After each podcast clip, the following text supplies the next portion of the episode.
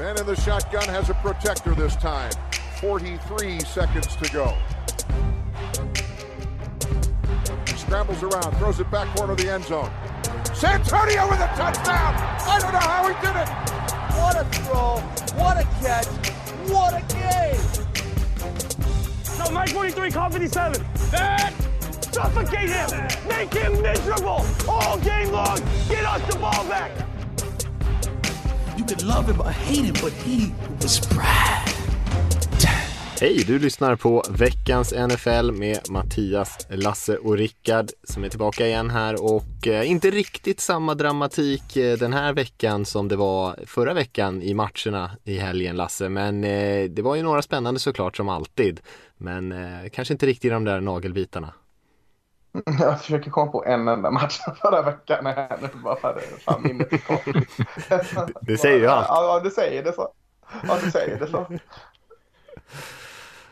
Det var väl det en nagelbit där uppe där med Jets i alla fall. Ja, det Det var gör det lite ju. underhållning. Ja, men det var några spännande matcher, men det blir det ju alltid. Men jag tänker att för, förra veckan då var det sådana solklara liksom grejer som, som blir riktiga snackisar sådär. Men eh, det kändes som att den här veckan, den passerade lite mer under radarn. I alla fall Lasses Ja, radar. men det kan. Ja, nej, men det, det kan jag inte. Nej, den här veckan kommer jag ihåg. Men, men det är veckan innan som var så jag. Ja. Eh, Ja. Nej, men eh, det börjar komma fragment tillbaka i mitt minne här nu så det, jag är ombord. ja, det är bra, det är bra. Vi, vi ska köra en liten recap här nu snart och sen ska vi eh, prata lite om vad som händer i Jacksonville med Urban Meyer, eller frågan är om han är i Jacksonville, men eh, var han än är så är det lite dramatik i alla fall och eh, ska prata lite grann om, fick en intressant fråga om college-spelare som har varit väldigt bra, väldigt bra i college men som kanske inte riktigt har lyckats ta det till NFL. Vad kan det bero på? Vilka är några av de här spelarna som man tänker på i första hand då? Och sen ska vi göra en liten sådär efter första kvarten av säsongen här, en liten eh, lite grejer som vi funderar på, som tycker har stått ut och som vi, vi tar med oss i alla fall. Och sen ska vi såklart kolla på lite eh, kommande matcherna här i helgen också. Men vi kan väl börja med eh, veckan som var här igen. Vad, vad såg ni? Vad stod ut för er? Ja, jag, kan, jag lyfte ju den här eh, Jacksonville Bengals-matchen. Eh, torsdagsmatchen. Nu känns det som en evighet sen förstås eftersom att vi spelar in här på en, på en tisdag. Men, eh, och då sa jag att Jacksonville behöver hjälpa Lawrence på något vis. Och så gjorde de det med ett bra springspel och eh, lite lättare passningsalternativ. Och så var, gjorde, gjorde han inte vad han borde göra istället. Eh, de tappade ju matchen, var det liksom en saga av två. De, de dominerade första halvlek och, och Bengals dominerade andra halvlek som vann Bengals sen i slutet välförtjänt. Men det, jag tyckte att det blev tydligt den här gången att Lawrence är en del av problemet som inte liksom tar de lätta alternativen. Så lite oroväckande. Och sen då med tanke på allt annat som händer där runt omkring klubben just nu så känns det ju som en organisation som är eh, inte i eh, de lugnaste vatten. Nej, det kan man väl säga. Och Joe Burrow å andra sidan, på andra sidan spelade ju prata om väldigt det bra. då. Ja, ska vi ta den Ska eh, vi ta den här Urban Urban Meyer? Ja, vi kanske ska göra det. Oerhört Eh. tajmad fråga vi fick in. Oerhört tajmad fråga vi fick in förra veckan. Ja, det får man säga. Vi pratade ju lite grann om Urban Meyer och han, vad han har för stil och sådär och, och, eh, och lite av det eh, har ju dykt upp här under starten på säsongen att det är kanske inte alla som gillar hans stil riktigt sådär och nu efter senaste förlustmatchen här och så Ja, för er som inte har sett bilderna och videon och allt sånt där så var ju Meyer istället för att flyga hem med laget så gick han och träffade lite bekanta vad jag förstått det som och gick på krogen eh, på någon bar och, och eh, ja, hamnade väl i en, en del situationer eller satte sig själv i en del situationer där det bland annat kom ut då lite bilder från han var väldigt mysig med lite unga tjejer och, och några bilder när han till och med eh, var väldigt närgången får man säga, den eh, gode Meyer. Och eh, frugan då som satt hemma och passade barn, barnbarnen tydligen var inte jätte jätteglad såklart. Och han har fått eh, komma ut här och eh, be om ursäkt för sitt beteende och ägaren har skickat pressmeddelande och sagt att hans beteende är oacceptabelt och det har kommit ut en del eh, anonyma eh, citat från spelare i laget och sånt där att de, eh, ja, att de inte tycker att han skötte det där speciellt snyggt. Och man kan väl säga att han minst sagt är lite blåsväder, Urban Meyer just nu. Ja, och det är Mm, inte... Det, det kom... Eh... Ja, får Nej, kör alltså. Nej, men kör du. Eh, nej, men det kom ju, vi nämnde ju lite kring hans eh, tidigare kanske lite tveksamma karaktär då för att vara politiskt korrekt eller vad man ska kalla det. Men det kom ju ut en tråd och här vill jag först fråga hur fan det kommer sig att du är blockad av Mark Silver, Rickard. Det kan jag outa i podden och säga att du är det. Ja, det. det är för att han älskar Hugh Jackson och jag inte gör det, så blockade han mig. Ja. Det är här kommer från att kommer- i, att i redaktionen så pratar vi om ett, en tråd som Mike Silver har lagt ut. Han skriver väldigt mycket om de här och det spelar citat och så. Så var jag tvungen att fråga alla andra vad det var de hade skrivit för att jag inte kunde komma åt att se det. Dumma Silver. Lite så här, lite så här uh, butter. Det hade varit intressant att höra vad den tråden handlade om. Fråga Rickard och så tar vi blockar av Max. Den handlade i alla fall om att det var mycket mer än att han bara eh, eh, gick lite för långt på dansgolvet. Alltså, eh, eh, hur, man- vi kan ju inte liksom säga att det här är sant eller inte, men, men det han rapporterade då var att han hade inte så mycket liksom, eh, trovärdighet redan i, eller innan den här säsongen och så ställde han in eh, lagmötet i måndags, eh, sådana form av reaktion på detta och kunde liksom inte riktigt stå upp för vad han hade gjort och det att han hade liksom eh, inte åkt med planet hem. Det är många andra liksom, experter i form av spelare och dessa spel som sagt att de aldrig varit med om att någon inte har gjort det. Så att eh, han har en extremt tuff situation väldigt, väldigt snabbt. Eh, där Jacksonville. Ja, alltså diskussionen har inte varit att, att alltså, problemet är ju inte att han hade fingrarna i rumpan på liksom en tonåring, utan det var väl snarare, eller det är ju en del av problemet. Men Jag tror inte tonåring kanske var lite att ta i. Om vi nu ska ja. krydda historien här. Men någon college-tjej då. Eh, problemet som spelarna har är väl så här, ni är, ni är, ni är 0-4, ni skickade ut efter andra veckan ett statement om att så här, vi gör det bästa vi kan och det här är inte de vi är, vi ska kämpa för att gå åt rätt håll. Och så bara, nej men åk hem ni, det är ingen fara, jag ska hem och träffa familjen. Går ut på krogen och dansar liksom. Det, om det är något han ska göra så är det ju fan att jobba för att fixa det här och det är liksom, han skiter i det. Hade spelarna gjort det här, då hade man ju reagerat på det och tyckt att fan vad de har en slapp inställning liksom. Eh, och, han har inte, och jag tyckte att det var roligt, han har inte ens en Jacksonville-tröja på sig. Han tar ju på sig sin gamla Ohio State-tröja på sig när han ska ut på krogen också. Ännu roligare. Men är det bättre att ragga i? Ja, tydligen. Ja, nej, det ser inte bra ut såklart. Och jag tänker från, som du säger, hade en spelare eh, gått ut och festat istället, hamnat massa bilder och, och liksom eh, i en mindre skandal, även fast det kanske är en privat skandal i, i första hand kanske för, för han och hans familj här. Men eh, eh, så, och sen dessutom inte kommit på möten dagen efter och sånt där, då hade det ju Mm. varit eh, riktigt hårt tror jag från Myers sida. Och ska man vara tuff mot eh, sina spelare och andra omkring sig och hålla höga krav på dem, då måste man ju eh, leva upp till det själv åtminstone. Att det är ju inget jättebra tecken på ett eh, bra ledarskap från Maj, om man om man, är- om man ska vara snäll. Nej, Nej. verkligen inte. Nej, och det finns väl inte så mycket mer att säga där, men han har ju startat sin karriär i NFL på väldigt eh, skakigt sätt får man säga. Och eh, med tanke på att de också då har förlorat alla matcher ehm, så eh, får vi väl se. Vi får väl följa den här historien lite grann. Man kan ju inte tänka sig att han får kicken alltså under säsong. Det har jag svårt att se. Då ska han göra fler riktiga snedsteg men då, eh, ja, det- jag, kan, jag kan inte se det hända. Nu, han måste ju ändå vara med nu på att nu får han ju liksom eh, hålla sig på mattan så att säga. Ja, Eh, ja, ja, jag, ska- har, eh, jag vet inte, större saker har skett. Ja, nej visst, visst det, det är väl möjligt. Men eh, som, som ägaren uttryckte där, att han eh, hade ju lite förtroende och sånt där att vinna tillbaka. Eh, och det är ju lite eh, oroväckande att han tappade det på fyra matcher. Mm.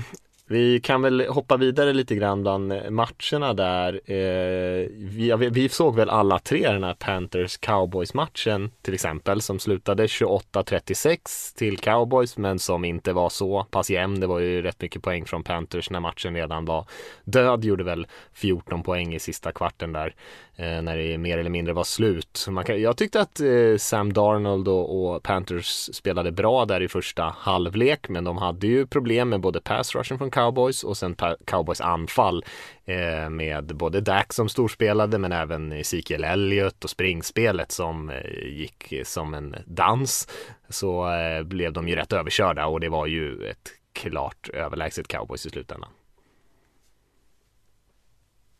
Ja, det var det. De, de släppte lite väl tidigt på gasen. Det gjorde lite mer spännande än vad, vad det skulle vara. Men, men jag tänker att Sam Darnold, nah, eh, eh, han gjorde ingen, ingen dålig match. Absolut inte. Man kan till och med säga att han gjorde en, en helt okej okay match. Eh, eller bra. Men eh, det uppdagades ju liksom att han fortsätter att springa in touchdown sen. Vad, vad är han uppe i nu? Fem rushing touchdowns eller något sånt?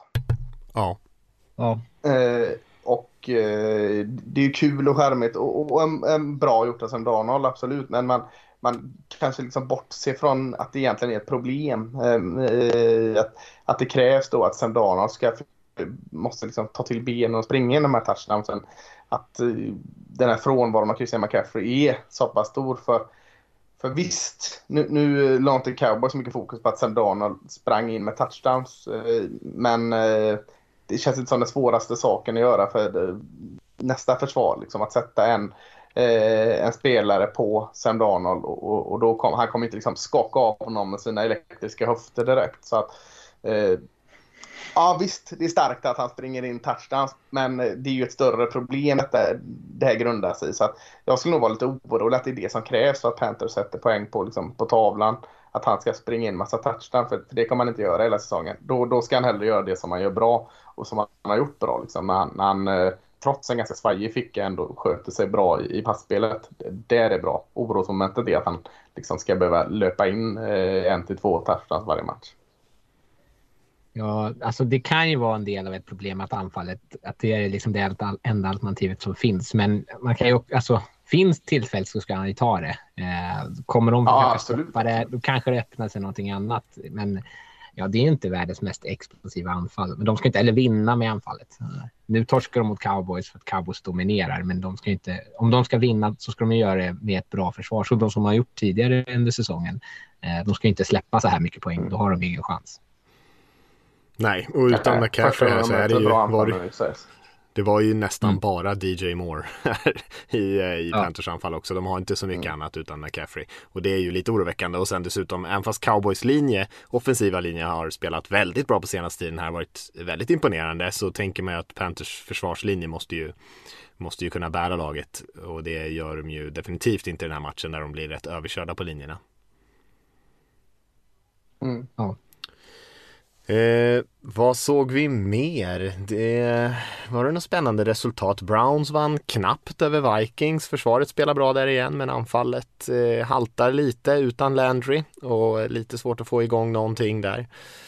Jag vet inte om ni har någonting att säga om den matchen men det var ju imponerande att man höll eh, eh Vikings till sju poäng och det var ju eh, de nollade de tre sista kvartarna och det är ju andra veckan i rad som Browns försvar spelar riktigt, riktigt bra. Ja, alltså, nej, jag, jag har inte sett matchen, men jag hörde ju viskningar om att Baker Mayfield inte spelade speciellt bra. Och sen så följer jag en man som heter Matt Waldman på Twitter som jag tycker är väldigt rolig, eh, som är eh, gammal Cleveland-supporter och han eh, sparar inte på krutet mot Baker Mayfield. Om man tycker om att, att hata på Baker Mayfield så ska man gå in på hans Twitter och titta på honom. För han är jättearg och så har han massa videos där han visar att Baker missar massa öppna passningar. Det är det enda jag såg och, och liksom fnissade mig igenom. Men eh, om han spelar dåligt så är det oroväckande eh, med tanke på vad de har för målsättning. Laget är ju typ bra för att kunna eh, vinna allting om, om han spelar bra. Mm. Han är en sån eh, rytmspelare i Mayfield känns det som. Att han mm. kan spela väldigt bra ibland men han kan också se riktigt eh, halvkass ut åtminstone ibland. Så det är ju Han är lite, lite av en humörspelare nu när de saknar lite Lite sådär trygga alternativ kanske framförallt i Landrys och så har han ju varit skakig här på senaste tiden. Han började säsongen starkt men sen har han varit ganska skakig. Så det går ju verkligen upp och ner för honom och det är ju kanske lite läskigt när man kommer in i slutspelet och det är viktiga matcher och man måste, han måste spela bra. Han kan inte ha en dålig match, mm. då åker man ut. På tal om rytmspelare, QBs, fråga mig inte varför jag kollade på Giants mot Saints, men, men, men det gjorde jag i alla fall. Och det, eh, Eh, det var ju en nagelbitare. Giants lyckades vinna på övertid där, men varken Daniel Jones eller James Winston är väl kända för sin rytm kanske i sitt spel, men eh, oerhört överraskande. Det måste vara Daniel Jones bästa match i, i, i Giants. Han såg väldigt, väldigt eh, stark ut och James Winston hade också en jättefin match. Så att, det var ganska kul att se eh, två quarterbacks som med eh, mycket rätt har blivit ifrågasatta att göra så här två starka matcher. Eh, så, så det är verkligen överraskande för mig att se framförallt Daniel Jones som passade för 400 yards. Mm.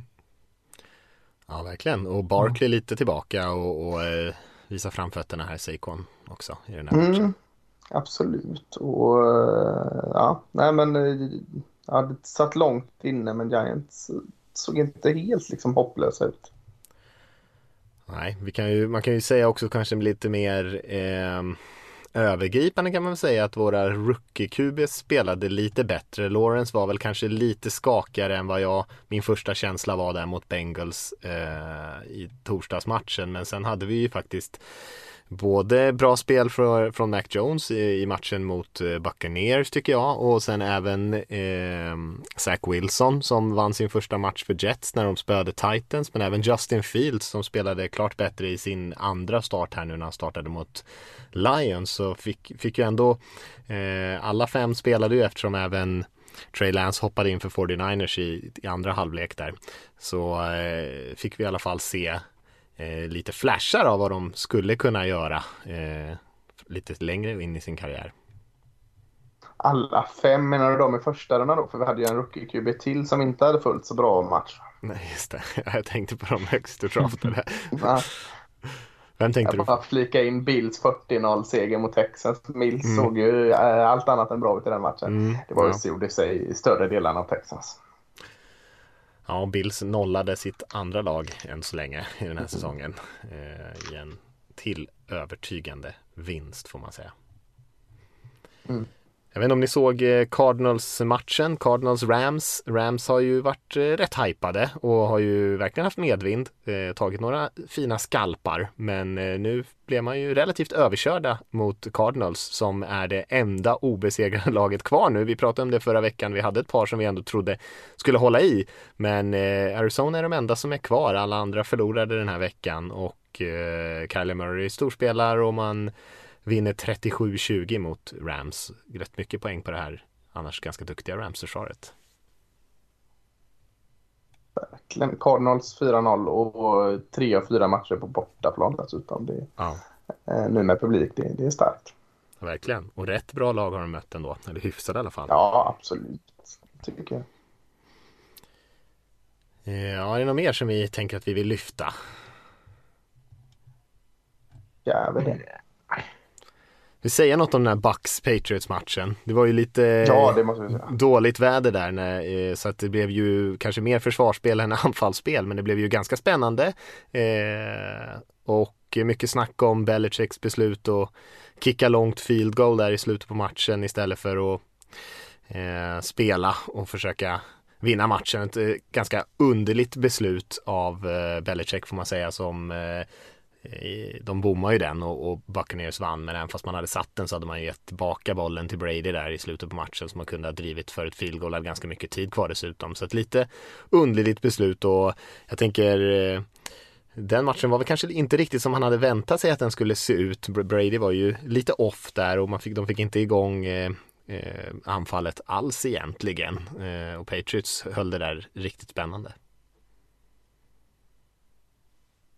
Ja, jag vet inte om det var regnet som gjorde det, men eh, Brady såg som, som du sa inte så vass ut. De lyckades få honom lite skakig. Det var en del drops från hans receivers visserligen också, men eh, det var, var, inte så crisp kanske som man, som man liksom har vant sig vid att Buccaneers-anfallet Eh, kan vara. Det här påminner lite mer om så som de inledde säsongen förra året när allting inte såg ut att stämma och de liksom fortfarande kände och klämde lite på varandra.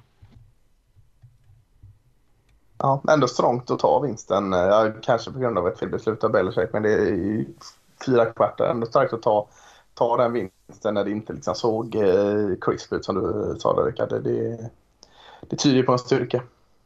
Mm. Och det där kommer jag glömma bort, det är bara vinsten som vi minns sen i slutändan. Så det var ju som sagt viktigt att få med sig den ändå. Jag såg Seahawks 49ers matchen såklart, där eh, 49ers började och dominerade den matchen totalt på båda sidor av bollen egentligen. De hade ju över 200 yards medan Seahawks fortfarande låg på minus yards anfallsmässigt.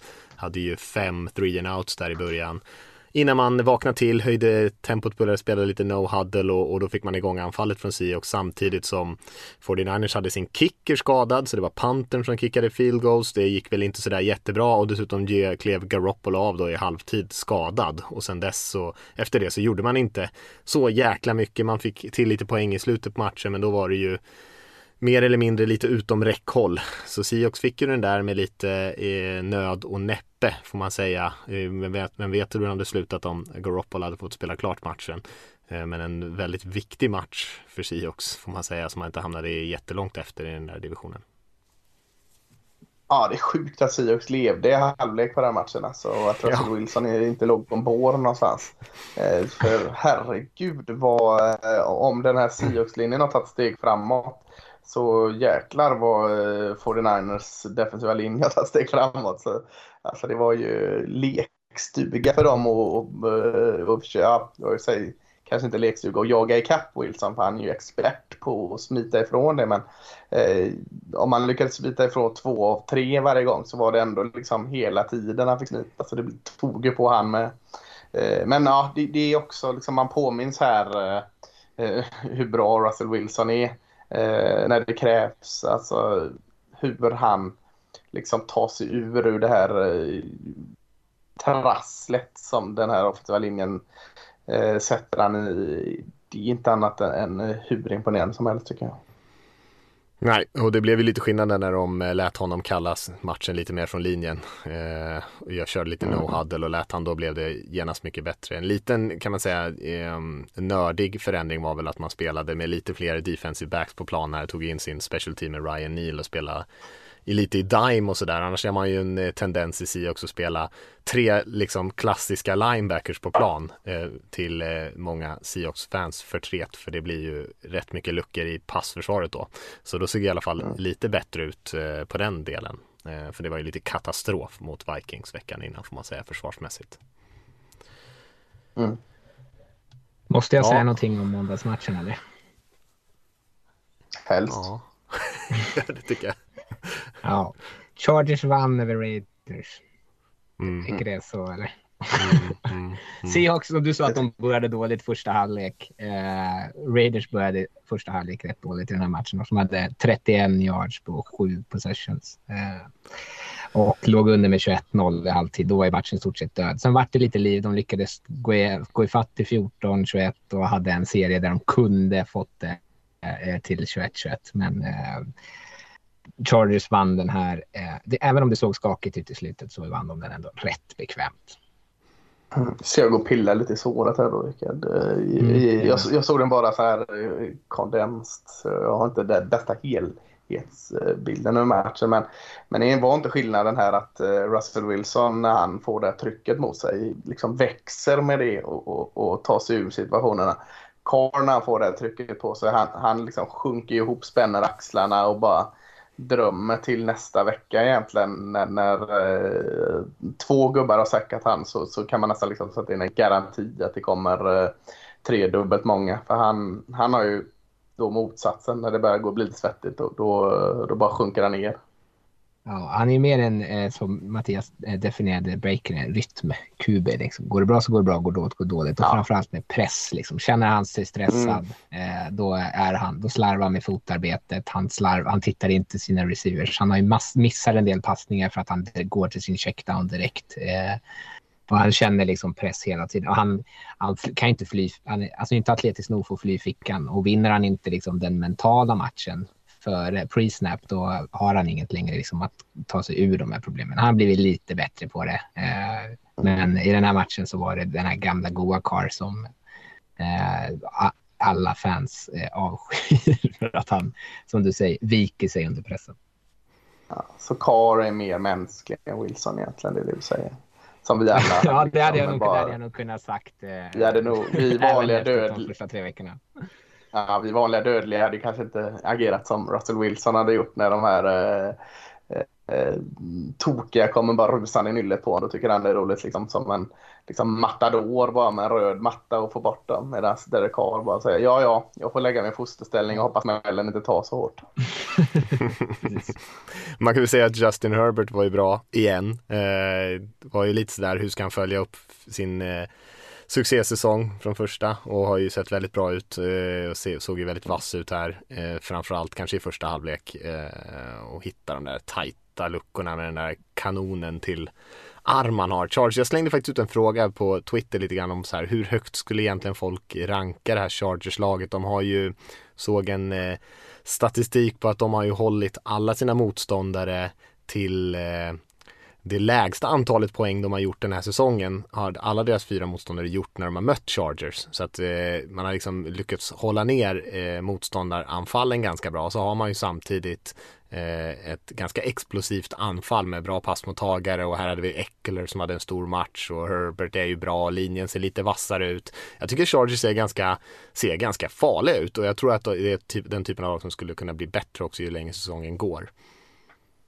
Ja, jag, jag såg den. Inte någon respons på den fråga då?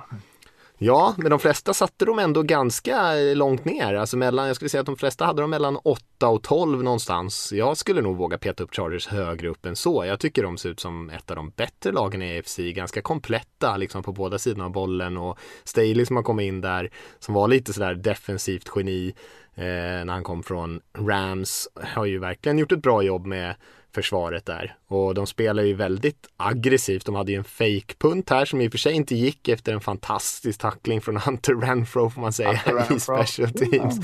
Mm. Och sen även då att de spelade ju för fjärde och två på egen planhalva när de ledde med 21-7. Eh, den serien tog ju stopp sen, men eh, de är ju väldigt, väldigt aggressiva och har mycket bra spelare i sitt lag. Så det är lite giftigt lag tycker jag, Chargers. Ja, det där som du nämnde om att de har stoppat mm. sina anfall, det är liksom i snitt om man, om man plussar ihop allting. Så de lagen har i snitt gjort 32,5 poäng per match när de ett andra lag har gjort 18,5 mot Chargers. En skillnad på 14 poäng. Eh, så det är ganska, ganska enormt. Alltså försvaret är ju nästan det som har varit det bästa. Alltså nu när de vann mot Raiders var det ju försvaret framför allt som var det bästa de hade. Anfallet haltade snarare skulle jag påstå stora delar av matchen. De hade också massa three and outs och sådär. Eh, så, eh, man pratar mycket om Herbie-anfallet men det här försvaret är verkligen riktigt, riktigt bra. Mm kul att kolla på också. Det mm. känns som mm. de flyger omkring verkligen. Det, det är ett väldigt roligt lag tycker jag, Chargers just nu. Ska vi ta och hoppa vidare lite grann i, eh, i programmet höll jag på att säga. Eh, vi ska kanske prata lite om mm. den här collegefrågan vi fick in då. Och då ska jag hitta själva frågan här som jag skickade till er. Och eh, då var frågan, kan inte ni prata lite om skillnaderna mellan college och NFL i podden? För att jag skickade ut en tweet med Tavon Austin, lite, lite så highlight från någon college-match han gjorde och undrade lite så här, varför lyckas inte NFL förvalta några av de här spelarna som är så explosiva i college? Och då var det någon som ställde den här frågan, som jag inte har namnet på just nu här, men Eh, och varför det skiljer så mycket åt från college och NFL då? Och Aikman hade sagt då i, i sändningen tydligen att varken Burrow eller Lawrence i den här torsdagsmatchen är riktigt vana att till exempel stå under center eh, Eh, när de spelar i college. Varför det? Och varför finns, vad finns det mer för viktiga skillnader som kan ställa till det för nya spelare? Och vad beror det på? Är det annan regelbok, mindre tid att träna, högre nivå i NFL eh, liksom generellt? Är det traditioner? Vad är, liksom skill- vad är det som gör att det är så svårt att ta steget från college till NFL? Det känns som en fråga vi har pratat om ibland i, i våra draftpoddar. Men jag tänker att vi kan eh, resonera lite kring det nu också. Mm, ja, högre nivå i NFL är det såklart. Det hade varit väldigt, väldigt konstigt om det inte var det. Eh, eh, sen är det ju eh, såklart så att eh, i NFL så är det ju de, de bästa och de bästa som spelar. Eh, du kanske inte kommer undan med eh, att bara vara supersnabb om du tog Tevon Austin som, som eh, exempel där. Utan du kanske måste ha mer egenskaper och du kanske inte kommer undan med att vara superstor offensiv linjespelare, defensiv linjespelare. Du behöver ha fler egenskaper där. Under center eller stå i shotgun, alltså en bit bak. Ja, när de kommer in till college, de här spelarna, så är de ut från high school såklart. Alltså unga eh, pojkar Eh, det blir mycket enklare eh, att läsa av planen och liksom minimera misstagen om du står under shotgun och få en helt annan blick för, för eh, spelet. Eh, krävs tid, inte alla liksom som är beredda att lägga den tiden i college på att en spelare ska klara av att behärska och stå under center för att det, det räcker med att stå i shotgun för att få resultaten man vill. Eh, du kommer undan med mer trickspel och, och eh, liksom lura dina motståndare för att eh, bredden finns inte i college-lagen som de finns i NFL. Så att du, du kan göra till exempel sådana här sexiga spel som Statue of Liberty eller att köra eh, mindre sexiga spel som option eller triple option och liksom klara av de grejerna. Så att Eh, boken du kan använda dig av saker är betydligt större i college än i NFL på grund av att eh, allting går snabbare, alla är större, alla är starkare och, och alla är det tillsammans i NFL. Ja, mm. jag tänkte det här som du nämner också, att, att alla är större. Det är så, I college, är du den bästa kuben så går du på den, troligtvis på en av de bästa skolorna och då är alla spelare på alla positioner runt dig de bästa spelarna i landet och du möter skolor som inte är lika bra. Det är inte alltid de här storskolorna möter varandra om och om igen utan de möter ju också en del eh, betydligt sämre motstånd och då är det inte svårt kanske att hitta så här. Mm. Ah, den här killen är, vår kille är mycket bättre än deras kille. Det är mer spelare mot spelare. Hitta en bra, en otroligt tydlig match och sen utnyttja den på något vis i college. I NFL är det mycket svårare just mm. för att spelarna är så sjukt mycket bättre. Eh, så man vinner liksom inte alltid de matchupsen och då blir det inte vi pratade i draften om att det är lätt att så Fields och Lawrence kommer från enkla spelsystem där de bara behöver läsa en eller två spelare. Det är för att den första eller den andra spelaren kommer med, näst, med 100% säkerhet vinna sin matchup och då kan man lägga bollen på den. Och i NFL så gör de inte det. Då måste man se mer och då tar det en halv sekund längre och då har man blivit säkrad istället.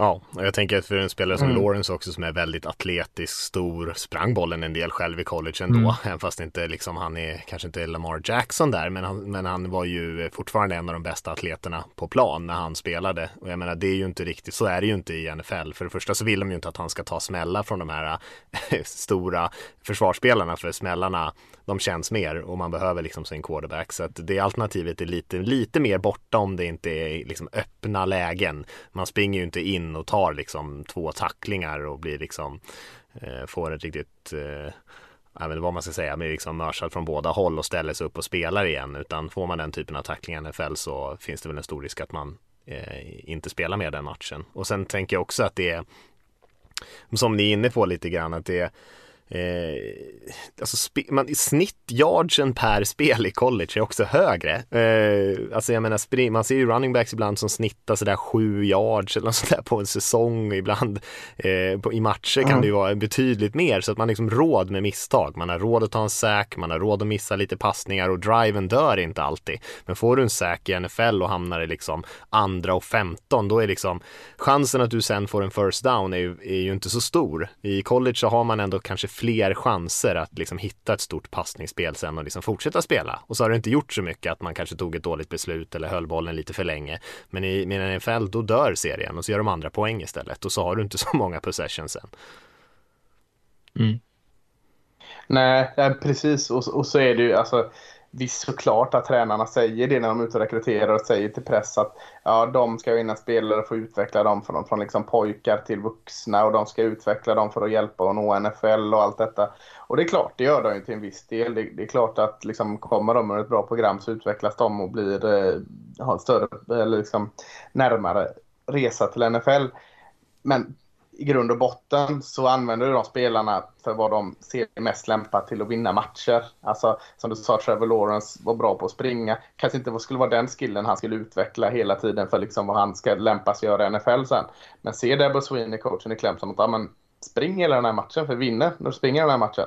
Så står inte han där och tänker ja fast jag ska utveckla han här nu så att han kan bli en, en pro-style NFL-QB. Han tänker ju på att vinna den matchen Eh, sen så utvecklar han honom under träningar och vissa andra matcher får han in den utvecklingen. Men det är inte så liksom att de inte bryr sig om liksom, vi gör vad vi kan för att vinna våra matcher. Eh, så ibland får de helt enkelt inte den, kanske den, eh, den extremt fina resan eh, för att vara redo för NFL. Nej. Nej, eh, jag tycker att vi sammanfattar det hyfsat där i alla fall. Det, det finns ju eh, ganska stora skillnader och det är svårt ibland att bara se hur en spelare ska eh, se ut på nästa nivå. Man kanske kommer till ett helt annat spelsystem eller något liknande och man har sett dem dominera på ett sätt i college men så ska de göra något helt annat och det gäller egentligen alla positioner och då blir det ju det blir en annan sak helt enkelt. Men eh, följdfrågan på det är ju då några spelare som, eh, som står ut som man tänker på spelare som verkligen eh, levererade på college-nivån men som kanske inte, antingen inte levererade alls eh, på sin, i sin proffskarriär eller, och bara försvann eller spelare som kanske aldrig riktigt levde upp till hypen. Tavon Austin är väl en sån men jag tänker att många var inne på det, den lilla kvicka eh, receiver, running back, hybridspelaren. Sen tror jag gick nummer åtta eller tio eller något sånt där till Rams i den draften. Så han gick väldigt högt och många reagerade på Mm. det då också. Att det, det var väldigt tidigt för den typen av spelare. Eh, och han var ju liksom med, gjorde några hyfsade säsonger men det var ju inte alls på den nivån som, som det var i college såklart. Nej. Har vi några andra namn? Ja. Vilka står ut? Ja, det här är ju jättedumt att jag är inblandad i en sån här fråga. För Wix gjorde en lista på 30 personer. Här, så att, eh, jag, tänker ju direkt på Tim Tebow. är ju den liksom eh, en av de bästa collegespelarna någonsin. Eh, och eh, det var frågetecken eh, redan när han skulle gå till NFL. Liksom. Men kan han spela i NFL? Eh, tror väl att eh, Denver Broncos tog han i eh, slutet av första va? Slutet, ja. Mm. Ja, eh, och det var frågor då, redan då. Liksom, för tog han i slutet av första? Eh, Det var lite högt och så. Men ändå så den här hypen kring Helylle Tibo och, och allting. Och, och att han var alltså helt fenomenal i college. Eh, eh, Och han, han var han fick inte, han, det var ju den, den spelstilen han liksom när han med, med power, med vilja, med, med liksom beslutsamhet, med ledarskap vann matcher istället för med en fantastisk arm eller eh, fantastiskt planterade fötter i kasten eller reads utan han liksom han bar allting på sina axlar liksom och bara såg till att vinna. Eh, så det kanske med facit hand kanske det är naturligt att han inte fick ut det i NFL. Jag, jag tycker fortfarande att han liksom, jag tycker han gjorde bra matcher. De var inte snygga men han lyckades ju vinna en del matcher ändå. Jag tycker han, han liksom blev eh, bortkastad lite för tidigt men ja, med hans, hans jäkla egenskaper så, så eh, tror jag liksom han hade kunnat fått ut mer av honom. Ja, jag tänkte på en annan QB direkt, för jag tänkte på Johnny Mansell. Eh, som, Mm. som också var värsta eh, snackisen på eller liksom en av collegefotbollens hetaste namn i alla fall. Och åtminstone den säsongen han spelade var det liksom bara prat om honom. Och så också samma grej. Så här, ja, men kommer hans stil verkligen funka i NFL? Eh, han liksom alldeles för kaotisk och eh, det funkar bara när allt går, eller liksom hela spelet i stort sett har, har kraschat och han gör någonting konstigt eh, och liksom får jättemycket hjälp av sina receivers som plockar bollar dit han inte borde kasta dem. Eh, och sen liksom inte gjorde någonting i NFL. Men när man liksom tänkte så här, fan, träffar han rätt så kan ju det bli otroligt underhållande. Men så, känn, så liksom blev det totalt pladask. Jag tänkte, om man jämför med Tibo så Tibo hade ändå någon form av framgång i NFL. Tog, vann ju ändå en slutspelsmatch. Mm. Mm. Mm, och Mansell hade väl kanske en del andra bekymmer också som man kanske Jo, inte riktigt förstås. vet hur mycket man ska väga in där med sina missbruksproblem och sånt där. Men det vi fick- se av honom så såg det ju inte speciellt bra det, ut det heller. Ehm, och man hade kanske det lite på känn att det skulle inte bli samma sak som i college. Men han var ju ikonisk nästan på samma sätt som Tibo var under, Mm. under sin tid. Vince Young är väl en annan sån där spelare som också var Ja, som gjorde, en ganska, som gjorde en ganska bra, ganska bra eh, proffskarriär ändå, eller ja, ganska bra. Men han eh, startade ju och, och spelade en del matcher och, och mm, liksom eh, var väl okej okay till och från, men med tanke på vilken dominant college-spelare han var. Men han hade ju också lite mm. problem vid sidan om där med sin, han drack väl eh, cough syrup eller vad fan det var. Eh, och eh, hade lite missbruksproblem. Så det hänger väl ihop lite också. Mm. Om vi lämnar QB så tänker jag, så här, jag vill ju gå in i offensiva linjen och pilla och klumpar ihop ett par men 2014 valdes ju tacken Greg Robinson från Auburn. Typ, kan det ha varit trea? Eh, tvåa till med. Tvåa till och med och Rams. Han hade väl knappt en bra snap för Ram liksom och han såg liksom så jäkla liksom säker ut. Som att liksom, det här är ett säkert, det här är draftens säkra kort brukar man alltid fråga. Ja men Greg Robinson är det. Eh, lite som Quintin Nelson var som guard liksom, till Colt, det är det säkra kortet. Var Greg Robinson det och han, han fick verkligen inte ut någonting. Och, och, och då kan man tänka liksom att, att en QB, det, där kan det vara andra problem med, men en, en offensive tackle, visst, han kanske inte blir fullt så bra så, som, som eh, han var. Det kan ju vara system även, eller det är system även på offensiva linjen. Men att liksom bara falla så jäkla lågt som att liksom han såg ju skräpet från början tills det att han la av. Det, det tycker jag var jäkligt överraskande för jag var helt såld på han också under college-säsongen här i Auburn. Mm. Nej, jag kommer ihåg honom, både liksom att han hade både storleken och styrkan och liksom de här smidiga fötterna ja, och allting. Smidigheten, ja precis. Hade liksom allting, hela paketet egentligen. Och Ja, det var förvånande att det inte blev någonting av honom. Jag tänkte på, jag tänkte på en spelare som Reggie Bush som hade ju en ganska produktiv proffskarriär ändå. Eh, men som eh, många kanske efter hans tid i USC där många trodde att han kanske skulle bli liksom eh, den nästa stora grejen. Det finns ju betydligt värre floppar ja. än Reggie Bush. Men, eh, men den där typen av spelare som, ja, som också blev eh, super, super hypad i college och, och var liksom en, en jättestjärna. Som kanske aldrig blev riktigt det i NFL utan en ganska helt okej okay, men ganska eh, lättförglömlig karriär. Mm.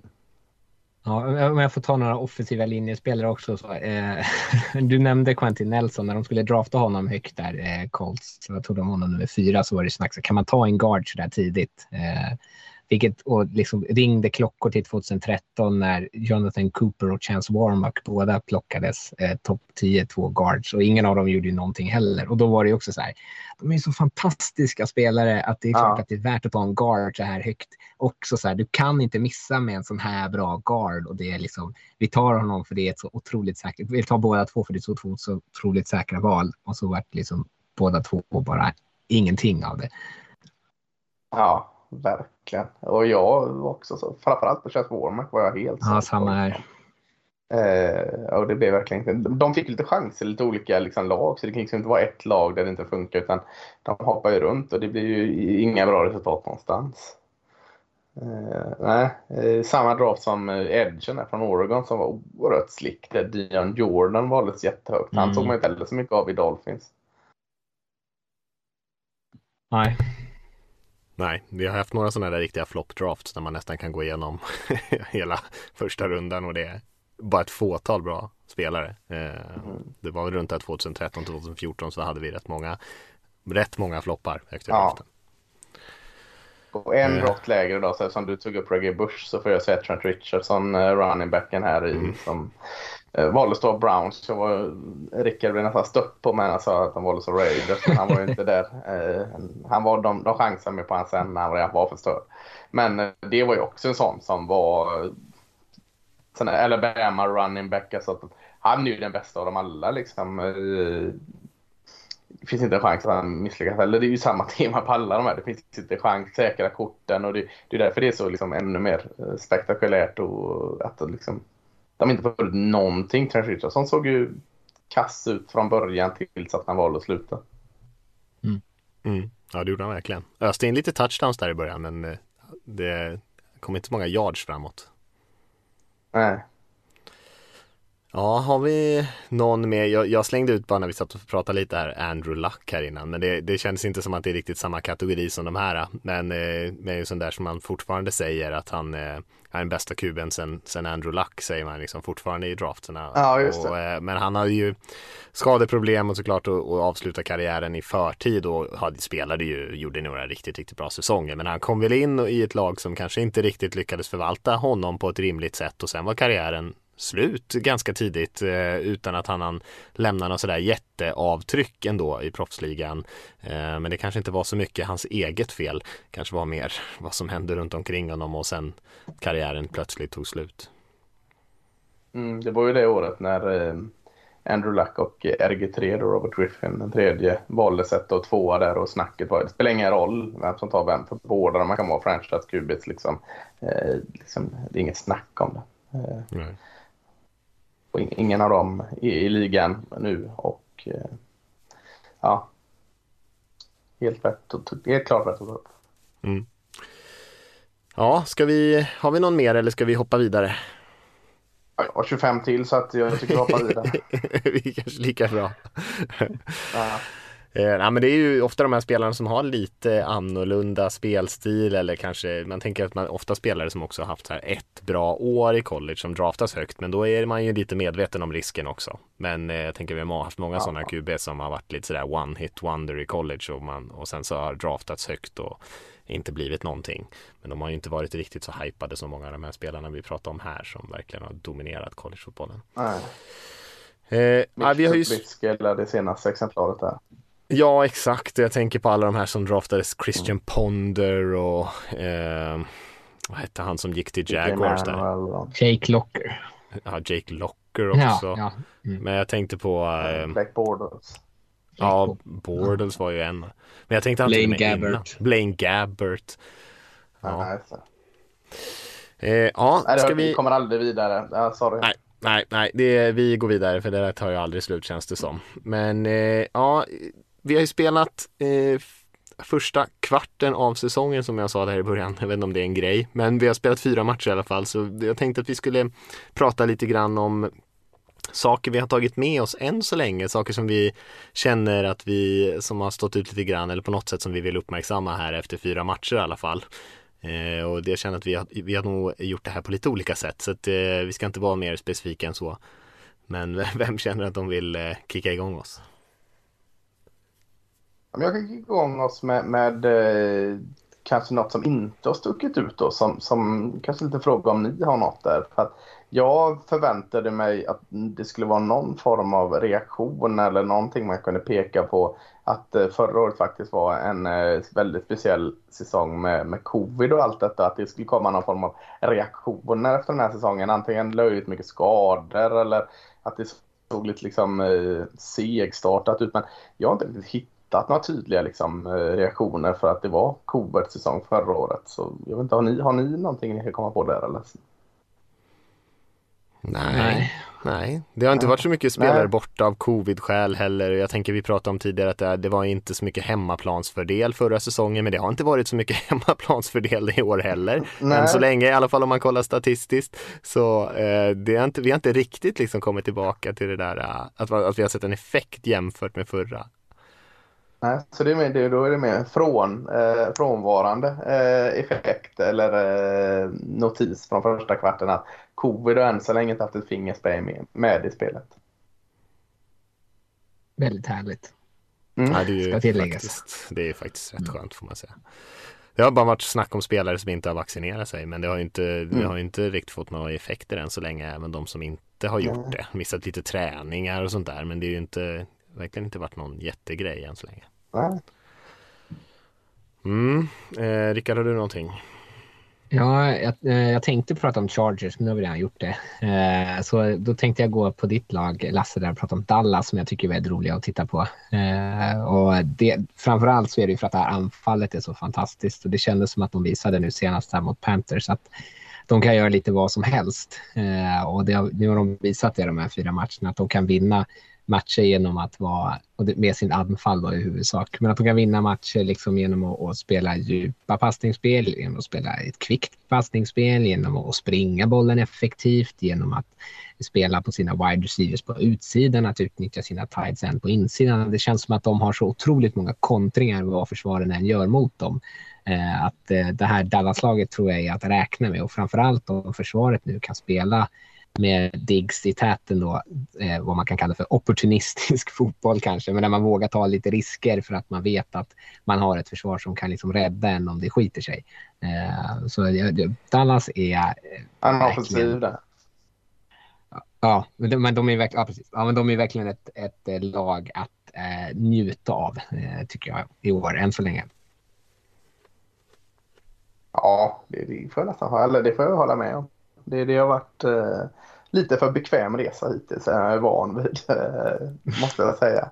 Eh, trots den här förlusten mot Tampa. Som kanske var deras bästa match. Förlusten mot Tampa Bay tycker jag fortfarande var bästa hela offensiva eh, matchplanen där. Så, eh, nej men det stämmer ju. Och jag tror allting handlar kring att eller handlar om såklart att Dak Prescott är hel än. Det, det var han väl efter fyra veckor förra säsongen. Men, men, men att offensiva linjen eh, liksom är på en nivå där de ska vara. Förra året var det ju, kan man ju skylla på skador, men, men det såg inte bra ut. så att ytterligare, de, de får chansen att spela ut hela registret på grund av att offensiva linjen ändå liksom står pall. Så att, eh, ja, det, det är en väldigt rolig tendens tycker jag.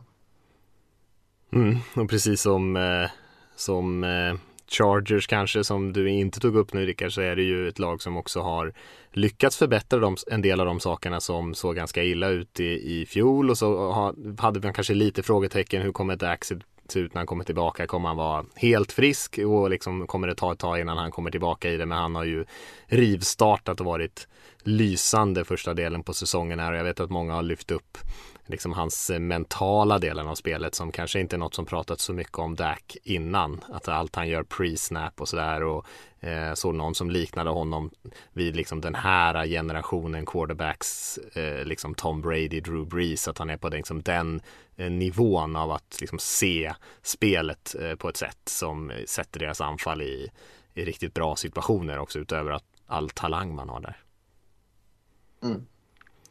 Eh, nej, min eh, lilla spaning här är kanske inte sådär superkul, men jag tänker att vi hade eh, en vecka ett som var ehm, väldigt underlig och man tänkte så här, var ska den här säsongen ta vägen någonstans? Det var mycket saker som var ganska oväntade som hände första veckan tycker jag.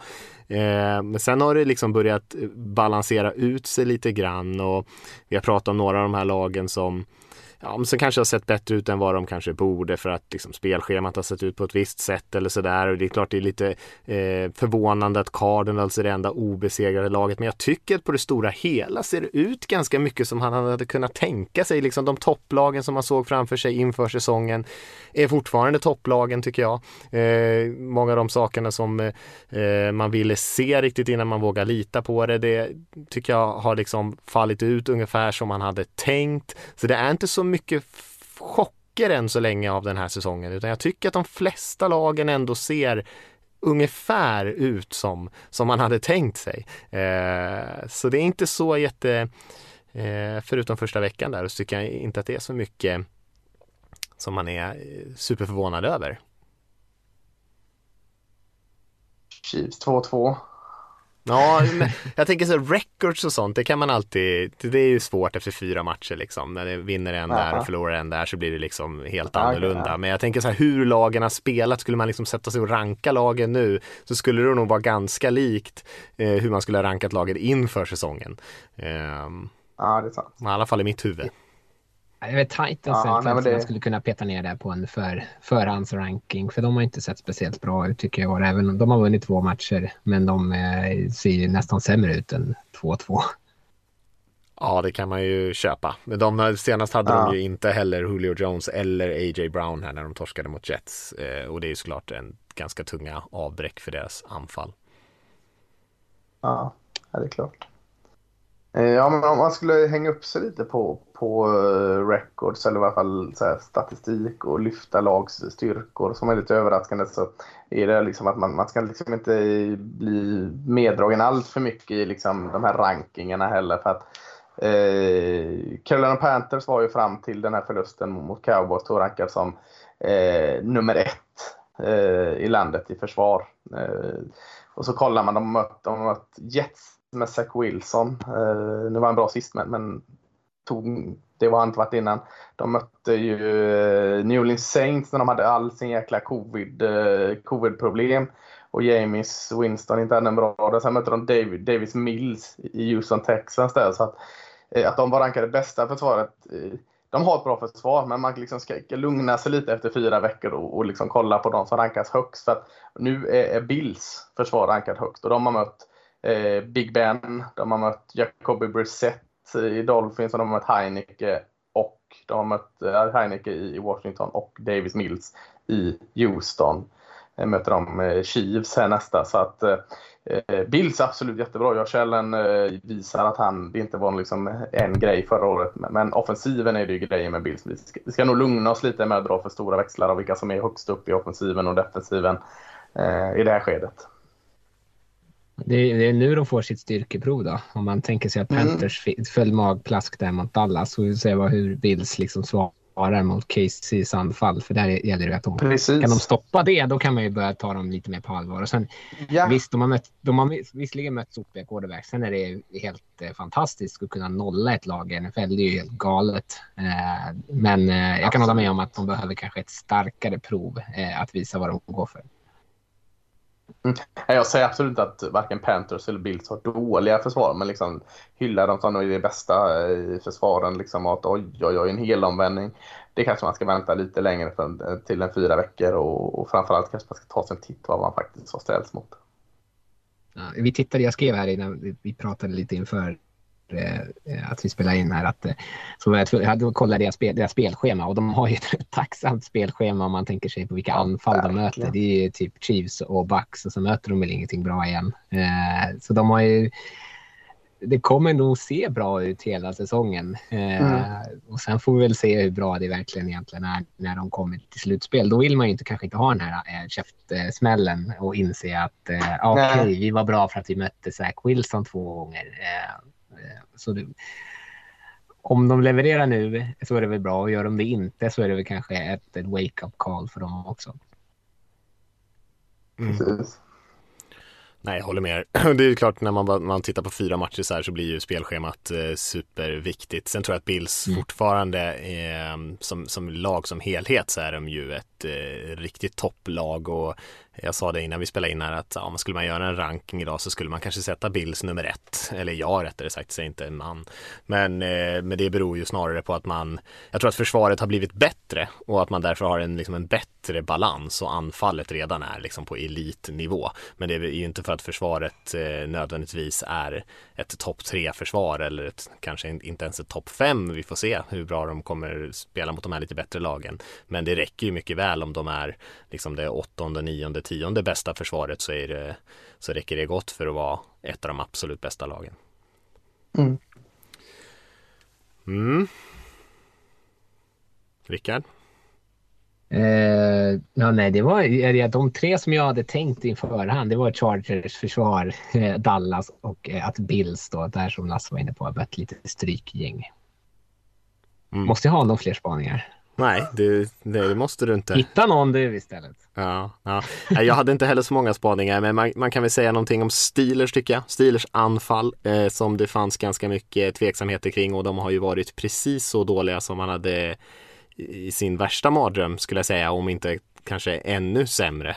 Eh, och att Steelers eh, inte får pajla på dem. Jag tror att de kommer kunna vara ett, liksom ett mittenlag, men att de är eh, alltså de är i samma nivå som Ravens och Browns i den egna divisionen. Det ser jag inte alls utan eh, jag tror att de har en lång uppförsbacke och det som händer där med Big Ben och linjen och man har ändå de flesta av sina skillspelare ändå med i matcherna och man lyckas ändå knappt flytta bollen överhuvudtaget. Eh, så där är väl ett, en, en sån där grej som eh, ja, många hade kanske flaggat för det men det har verkligen sett precis så dåligt ut som man som han hade kunnat tänka sig om han var lite negativt inställd. Då, då hänger ju frågan i luften Mattias, så tänker jag ge den till dig. De förlorade mot Bengals 24-10 och du sa att Mm. de inte var i, i stil med Browns och Ravens. Är de bättre eller sämre än Bengals som just nu är 3-1? Mm, det är en svår fråga tycker jag. Alltså de hade väl inte TJ Watt i den matchen heller va? Eller hade de det? Kanske Nej, det de hade till och med.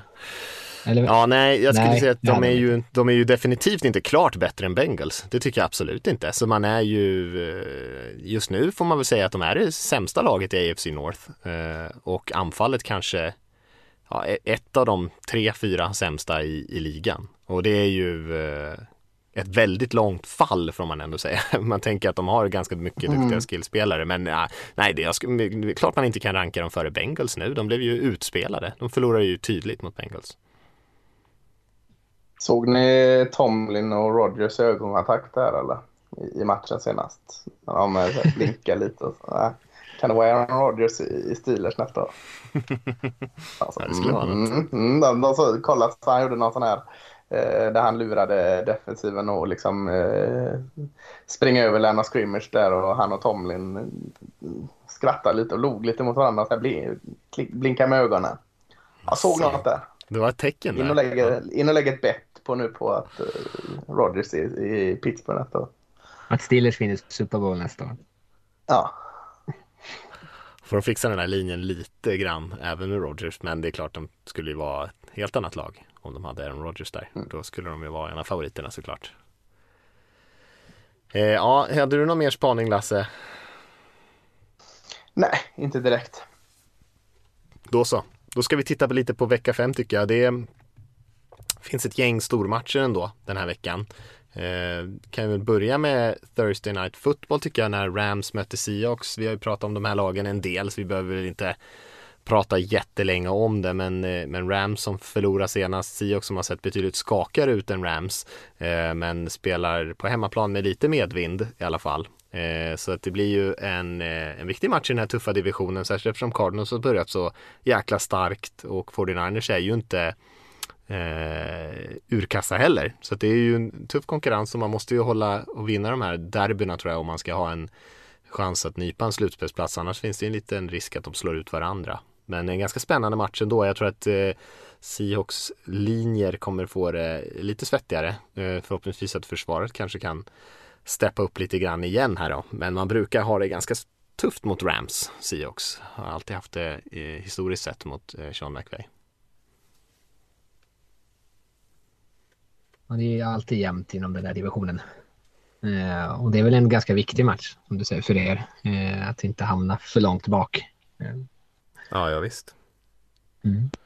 Ja, det blir lite beroende på hur det går för Cardinals den här veckan. Men Cardinals som är 4-0 då och Ja, Rams ja. som är 3-1 och, och vilka möter Cardinals förresten? 49ers. Ja, och där får de ju ändå vara favoriter. Eh, så sticker Rams ifrån här lite grann också. Då är det svårt för Seahawks och 49ers där bakom. Så att det, är viktigare för dem som ligger lite, lite risigare till såklart. Det är ju en kanonmatch för övrigt det också egentligen, 49ers Cardinals-matchen. Mm. Och 49ers försvar kan spela bra. Nu vet jag inte, är Garoppolo, hur länge är han borta? Han skulle vara borta ett par veckor eller?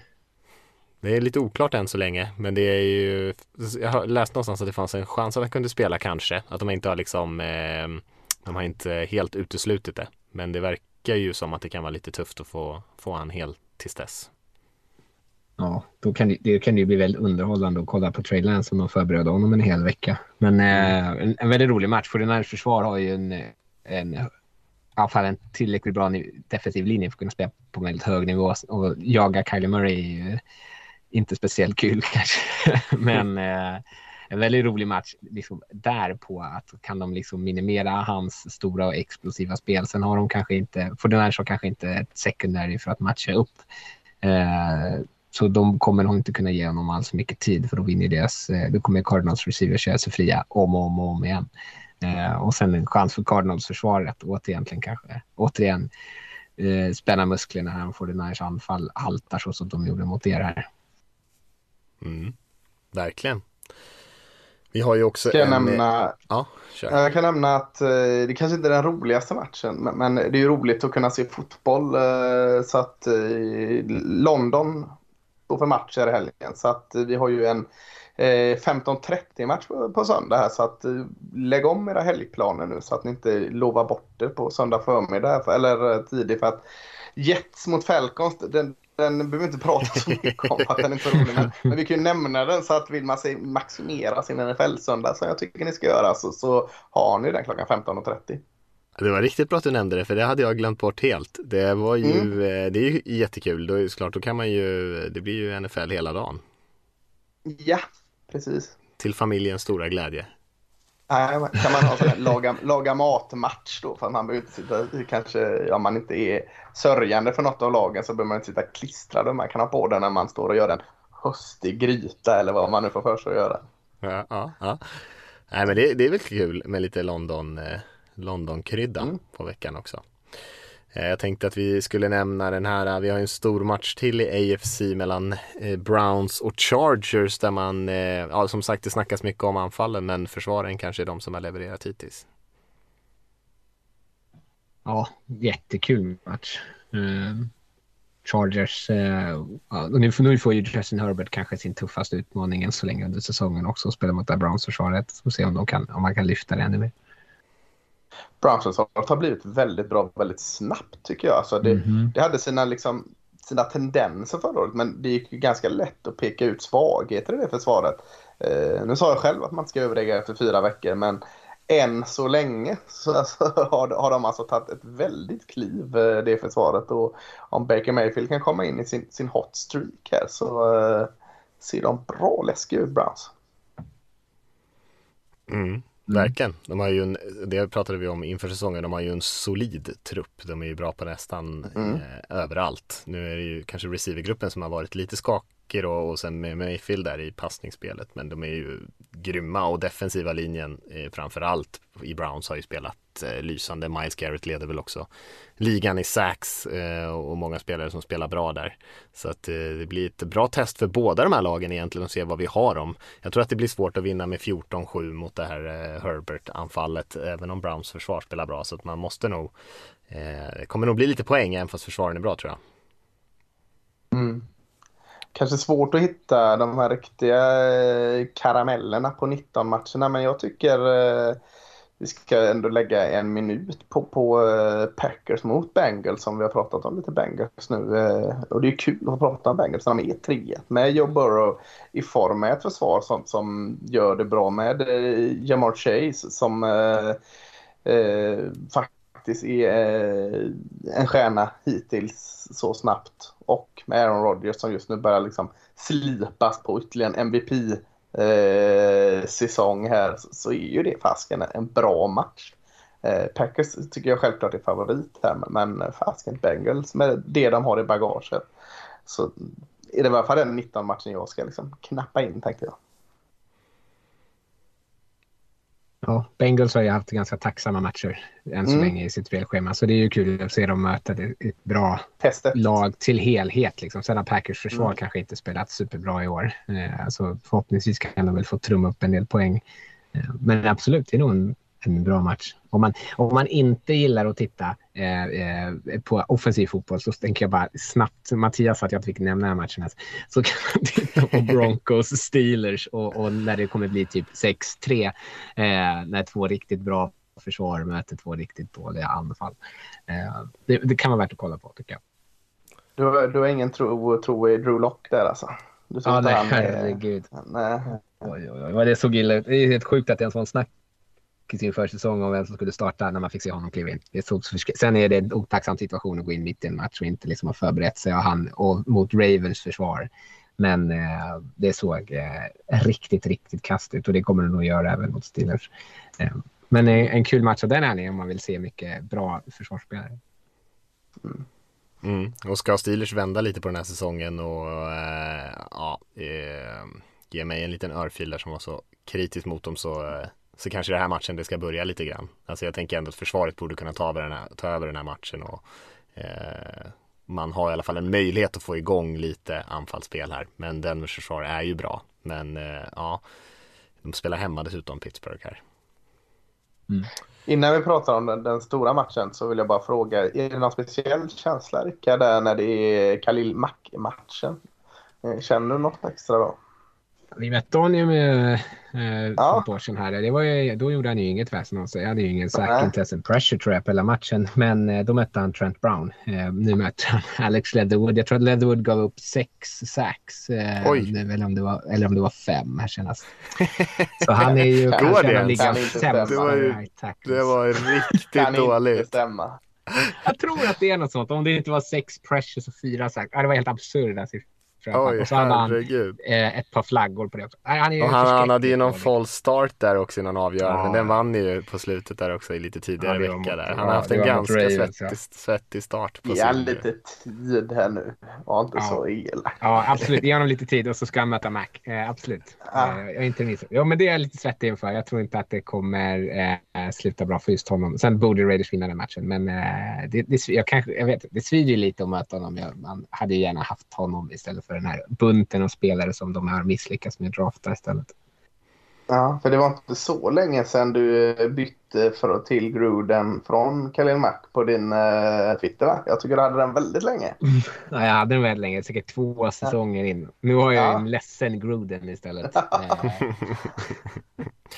Ja, det är synd lite grann för Bears här som jag tycker ändå de börjar spela lite bättre. Försvaret har ju spelat klart bättre och sen Fields lite bättre här senast mot ett, ett svagt Lions i och för sig. Men eh, att man tappar Montgomery, sin running back där, gör ju att det blir Mm. lite mindre Mm. spännande i den här matchen. Annars hade jag kunnat tänka mig kanske att försvaret spelar rätt bra mot Raiders så att man liksom lyckas eh, liksom göra lite poäng på lite Fields magi och lite springspel. Men det är lite mer uppförsbacke för Chicago just nu och spelas ju i Las Vegas också den här matchen. Mm. Stormatchen, ska vi hoppa till den? Det är väl lika bra va? Vi har ju eh, Bills eh, som spelar borta mot Kansas City Chiefs och eh, ja, jag tänker så här, de är ju definitivt kanske de två högst rankade lagen i AFC just nu. Kanske tillsammans med Bucks de två högst rankade lagen i, i ligan just nu. Så det är ju en riktig stor match och som ni sa där tidigare, test för Bills försvar. Se om de kan hålla nere Mahomes och gänget lite. Mahomes kastade ju fem touchdowns här förra veckan. Det nämnde vi inte ens för det var liksom standard för Mahomes ungefär. Eh, och eh, han har väl 14 TD än så länge på de här fyra första matcherna. I och för sig ovanligt många interceptions. Jag tror att han har kastat, kan han kasta sex interceptions ett sånt där Mahomes.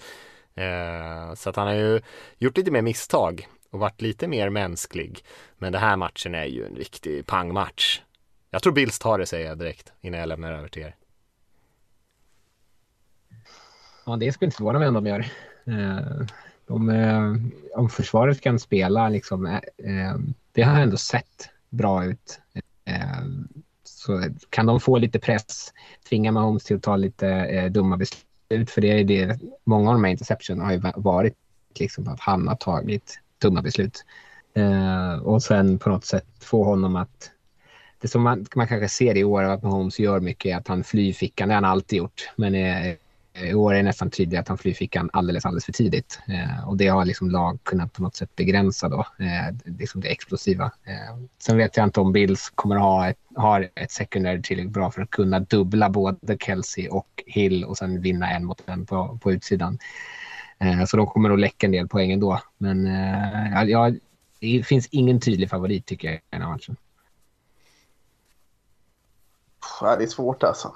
Eh, Ja, usch vad svårt det är. Jag är nog inne lite på det där alltså, som du säger där, Rickard. Att, eh, kan de ta, hålla koll på Speedsen Hill och, och dunderklumpen Kelsey och så, samtidigt så har ju Mahomes eh, ofta liksom enkelt att hitta de här doldisarna, Hardman, Robinson och de eh, också. Så att, alltså, och, och så Josh Allen, hur, hur ska Chiefs kontrollera honom?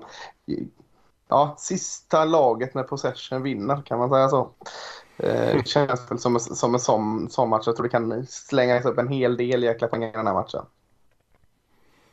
Mm. Ja. Ja, det tror jag också. Eh, jag tror inte att Bills försvar lyckas sakta ner dem så jäkla mycket ändå. Eh, och Hill har ju varit, Tyreek Hill har ju varit nästan eh, ostoppbar i ett gäng matcher. Han hade ju en riktigt fet match här senast mot Eagles var det väl.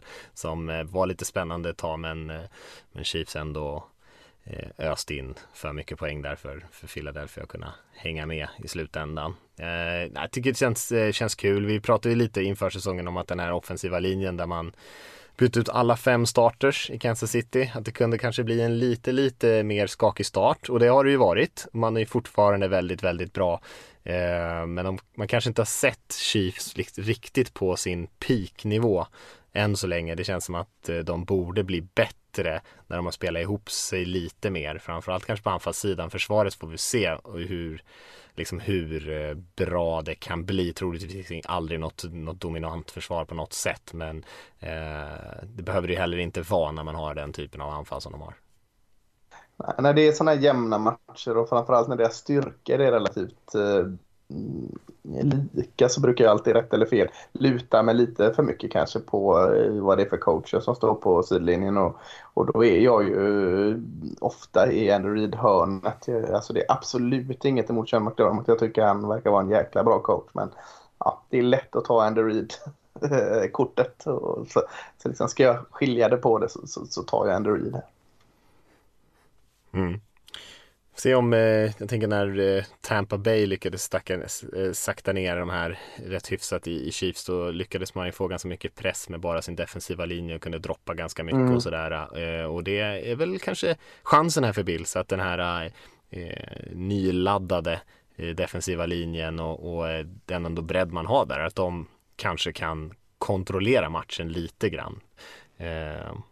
Det ska bli en intressant matchup i alla fall, den där nya offensiva Absolut. linjen mot Bills eh, spännande defensiva linje. Men eh, jag mm. har inga förhoppningar om att det kommer gå riktigt lika bra som det gjorde för Tampa Bay där och hålla dem liksom till och de hade tre poäng i halvtid eller något sånt där. Utan jag tror att det kommer som du säger Lasse bli rätt mycket poäng.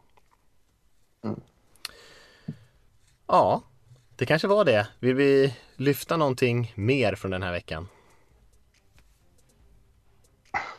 Det vill man väl alltid, men äh, tycker vi... Jag har inget att tillägga i alla fall.